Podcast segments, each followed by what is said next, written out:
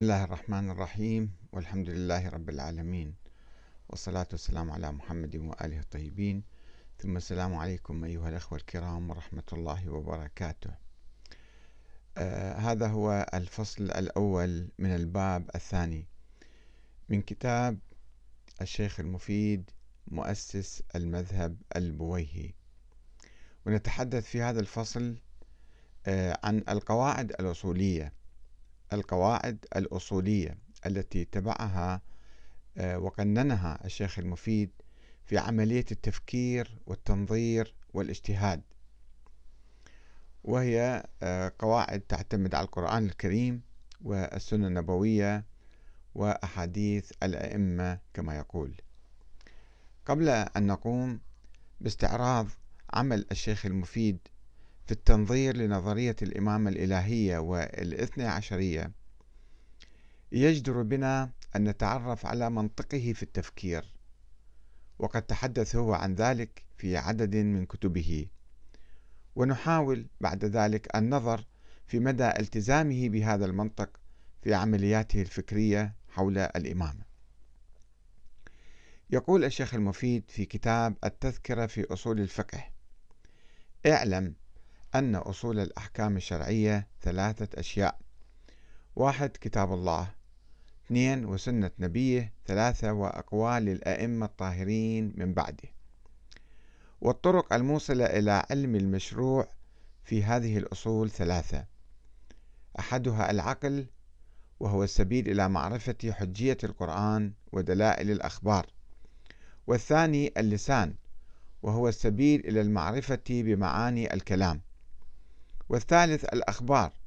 وهي السبيل إلى إثبات أعيان الأصول من الكتاب والسنة وأقوال الأئمة والأخبار الموصلة إلى العلم بما ذكرنا ثلاثة أخبار خبر متواتر وخبر واحد معه قرينة تشهد بصدقه وخبر مرسل في الأسناد يعمل به أهل الحق على الاتفاق وهناك قواعد أصولية أخرى مثل القياس والإجماع والرأي ناقشها الشيخ المفيد ورفض بعضها أحيانا ومارسها أحيانا أخرى ويبدو أن الشيخ المفيد كان يتحدث هنا عن الأحكام الشرعية وليس عن نظرية الإمامة كأنه قد فرغ من البحث فيها وتبيان أصولها وقد قال في كتاب المسائل الصاغانية في جواب الشيخ الحنفي الصاغاني الذي لم يذكر اسمه الذي انتقد الشيعة على أخذهم بأحاديث الأئمة فقال الشيخ المفيد إنا نعتمد على الصادق جعفر بن محمد في الأحكام فإنه ديننا الذي نتقرب به إلى الله إذ كان هو الإمام المنصوص عليه من قبل الله المأمور بطاعته كافة الأنام لكونه من سادة العترة الذين خلفهم نبينا صلى الله عليه وسلم المعصوم فينا وأخبرنا بأنهم لا يفارقون كتاب الله حكما ووجودا حتى يرد عليه الحوض يوم المعاد وهو ما يشي بأن الشيخ المفيد يعتبر ذلك من المسلمات ويبني عقيدته في حجية أقوال الأئمة على حديث الثقلين نأتي إلى المصدر الأول القرآن الكريم وفيه بحث يعتبر الشيخ المفيد القرآن الكريم المصدر الأول للتشريع دون أن يبحث هنا رأيه بموضوع تحريف القرآن وهو قول ذهب إليه الغلاة من الشيعة بأن الخلفاء حذفوا من القرآن ما يتعلق بالنص على الإمام علي أو أهل البيت وحقهم في الخلافة وقد تبنى الشيخ المفيد في بعض كتبه الرأي القائل بالتحريف فقال إن الأخبار جاء قد جاءت مستفيضة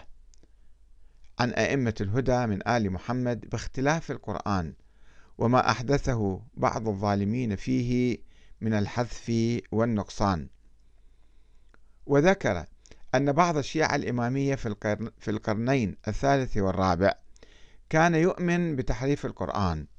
كما ينسب ذلك إلى بني نوبخت وهم مجموعة من المتكلمين والفلاسفة الشيعة وقال قد جمع أمير المؤمنين عليه السلام القرآن المنزل من أوله إلى آخره وألفه بحسب ما وجب من تأليفه فقدم المكية على المدني والمنسوخ على الناسخ ووضع كل شيء منه في محله وزعم المفيد أن القائم يعني الإمام الثاني عشر الغائب محمد بن حسن العسكري سوف يقرأ القرآن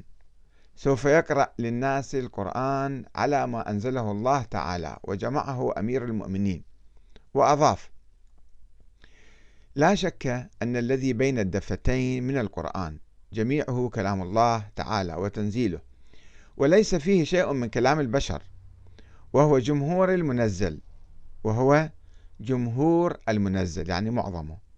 والباقي مما أنزله الله تعالى عند المستحفظ للشريعة المستودع للأحكام لم يضع منه شيء وإن كان الذي جمع ما بين الدفتين الآن لم يجعله في جملة في جملة ما جمع لأسباب دعته إلى ذلك منها آه، قصوره عن معرفة بعضه ومنها شكه فيه وعدم تيقنه ومنها ما تعمد إخراجه منه يعني يقصد عثمان الذي جمع ما بين الدفتين وهذا يوحي بإيمان المفيد بحدوث تحريف في عملية جمع القرآن وأن القرآن الكامل هو ما جمعه الإمام علي بن أبي طالب وأنه موجود عند الإمام الثاني عشر محمد بن حسن العسكري المهدي المنتظر ومع ذلك فإن المفيد أكد على لزوم التقيد بما بين الدفتين اتباعا للخبر الصحيح عن أئمة أهل البيت الذين أمروا بقراءة ما بين الدفتين وعدم تجاوزه إلى القراءات الأخرى التي تزيد أو تنتقص من المصحف نظرا لأنها لم تأتي على التواتر وإنما جاء بها الآحاد وقد يغلط الواحد فيما ينقله واحتمل المفيد أن تكون القراءات الخاصة المنقولة عن أئمة أهل البيت كقراءة كنتم خير أئمة أخرجت للناس وكذلك جعلناكم أئمة وسطا ويسألونك الأنفال هذه القراءة أنها منزلة على وجهين كنوع من الأحرف السبعة كما يعترف مخالفون به من نزول القرآن على أوجه شتى ومع أن الشيخ المفيد كان يؤمن بالأخبار المستفيضة التي جاءت عن أئمة الهدى من آل محمد باختلاف القرآن وما أحدثه بعض الظالمين فيه من الحذف والنقصان إلا أنه مال في كتب أخرى أو في فترة لاحقة إلى تفسير تلك الأخبار بأنها تعني التأويل والتفسير ولا تمس النص القرآني يعني المحذوف ليس من القرآن وقال قد قال جماعة من أهل الإمامة أنه لم ينقص من كلمة ولا من آية ولا من سورة ولكن حذف ما كان مثبتا في مصحف أمير المؤمنين عليه السلام من تأويله وتفسير معانيه على حقيقة تنزيله وذلك كان ثابتا منزلا وإن لم يكن من جملة كلام الله تعالى الذي هو القرآن المعجز ويعلق الشيخ المفيد على هذا الكلام فيقول وعندي أن هذا القول أشبه أي أفضل من مقال من ادعى نقصان كلم من نفس القرآن على الحقيقة دون التأويل وإليه أميل والله أسأل توفيقه للصواب وقد مال الشيخ المفيد هنا إلى الموقف الشيعي الاثني عشري الذي تبلور في القرن الرابع الهجري على يد محمد بن علي بن بابويه الصدوق والشريف المرتضى وشيخ الطوسي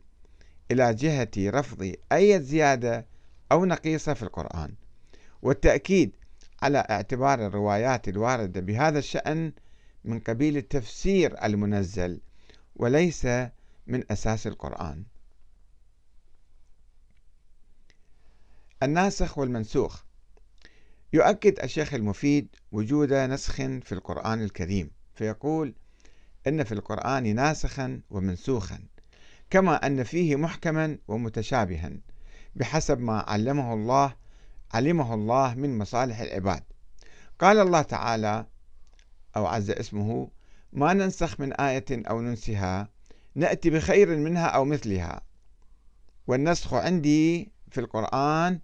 إنما هو نسخ متضمنه من الأحكام وليس هو رفع أعيان المنزل كما ذهب إليه كثير من أهل الخلاف أن الله يمحو الآية يقول لا ومن المنسوخ في القرآن قوله تعالى والذين يتوفون منكم ويذرون أزواجا وصية لأزواجهم متاعا إلى الحول غير إخراج وكانت العدة بالوفاة بحكم هذه الآية حولا ثم نسخها قوله تعالى والذين يتوفون منكم ويذرون أزواجا يتربصن بأنفسهن أربعة أشهر وعشرة واستقر هذا الحكم باستقرار شريعة الإسلام وكان الحكم الأول منسوخا والآية الثانية ثابتة غير منسوخة وهي قائمة في التلاوة كناسخها بلا اختلاف وهذا مذهب الشيعة وجماعة من أصحاب الحديث وأكثر المحكمة والزيدية محكمة يعني الإباضية أو الخوارج ويخالف فيه المعتزلة وجماعة من المجبرة ويزعمون أن النسخ قد وقع في أعيان الآي كما وقع في الأحكام الله يمسح آية ينسيها وقد خالف الجماعة شذاذ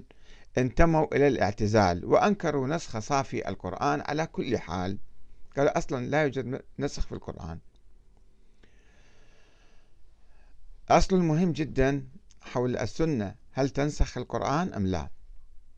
يقول الشيخ المفيد إن القرآن ينسخ بعضه بعضا ولا ينسخ شيئا منه السنة بل بل تنسخ السنة بل تنسخ السنة به كما تنسخ السنة بمثلها من السنة قال الله تعالى ما ننسخ من آية وليس يصح أن يماثل كتاب الله تعالى غيره ولا يكون في كلام احد من خلقه خير منه والقول بان السنه لا تنسخ القران مذهب اكثر الشيعه يعني يمكن بعض الشيعه يقولون هو يقول هذا اكثر الشيعه وجماعه من المتفقهه واصحاب الحديث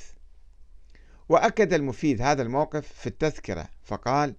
ان السمع ورد بان الله تعالى لا ينسخ لا ينسخ كلامه بغير كلامه ما ننسخ ما ننسخ من آية أو ننسها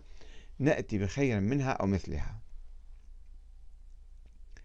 تخصيص عموم القرآن يرفض الشيخ المفيد تخصيص عموم وظاهر القرآن بأخبار الآحاد الشاذة أو المراسيل من الآحاد والظن الفاسد والقياس كتخصيص أهل السنة عموم القرآن بالحديث الذي رواه أبو بكر عن النبي من قوله نحن معاشر الأنبياء لا نورث ما تركناه صدقة الذي يخصص آية وورث سليمان داود هذه آية عامة وآية فهب لي من لدنك وليا يرثني ويرث من آل يعقوب وآية للرجال نصيب مما ترك الوالدان وظاهر قوله تعالى يوصيكم الله في أولادكم للذكر مثل حظ الأنثيين فيقول أن أبو بكر خصص هذه الآية بالحديث نحن معاشر الأنبياء لا نورث واتهم المفيد أبا بكر بأنه قصد بذلك منع سيدة نساء العالمين ميراثها من أبيها مع ما بيناه من إيجاب عموم القرآن ذلك وقال بأن أهل السنة يخصصون العموم وظاهر القرآن بأخبار الآحاد الشاذة ومنهم من يخصه بالمراسيل من الآحاد حديث مرسل يعني أحاديث مرسلة والظن الفاسد الذي يسمونه قياسا وبالرغم من أن المفيد يرفض مبدئيا تخصيص عموم القرآن بالحديث إلا أنه يسمح بتخصيص القرآن بالسنة أو بأحاديث الأئمة كتخصيص آية والمطلقات يتربصن بأنفسهن ثلاثة قروء حيث يفتي في موضوع عدة المتمتع بها وأنها قرآن اثنان يعني ويقول إنما يجب الحكم بالعموم ما لم يقم دليل على الخصوص باتفاق القائلين بالعموم من المتكلمين والفقهاء فأما ما خصه البرهان فالحكم بعمومه بخلاف العقول ودين الإسلام وهذه الآية ثلاثة قروء مخصوصة عندنا بالسنة عن النبي ويقول المفيد أيضا بتخصيص آية الميراث ولهن الربع مما تركتم إن لم يكن لكم ولد فإن كان لكم ولد فلهن الثمن مما تركتم وذلك بحرمان الزوجات من رباع الأرض أي الأرض والبيوت واحتج لذلك لهذا التخصيص بتواتر الشيعة عن أئمة الهدى من آل محمد عليهم السلام بأن المرأة لا ترث من رباع الأرض شيئا لكنها تعطى قيمة البناء والطوب والخشب والآلات إذ ثبت الخبر عن الأئمة المعصومين بذلك فكيف ننكر خبرا ثبت عن النبي من جهة عترته الصادقين فإذا يقول الخبر عن السنة أو عن العترة يخص العموم إرادة الخصوص من العموم يرفض الشيخ المفيد هذه القاعدة إرادة الخصوص من العموم ولا سيما عندما ترتكز على تأويل بعض الآيات مثل وعد الله الذين آمنوا آمنوا منكم وعملوا الصالحات ليستخلفنهم في الأرض كما استخلف الذين من قبلهم والذين والذي جاء بالصدق وصدق به أولئك هم المتقون وآية قالوا أوذينا من قبل أن تأتينا ومن بعد ما جئتنا قال عسى ربكم أن يهلك عدوكم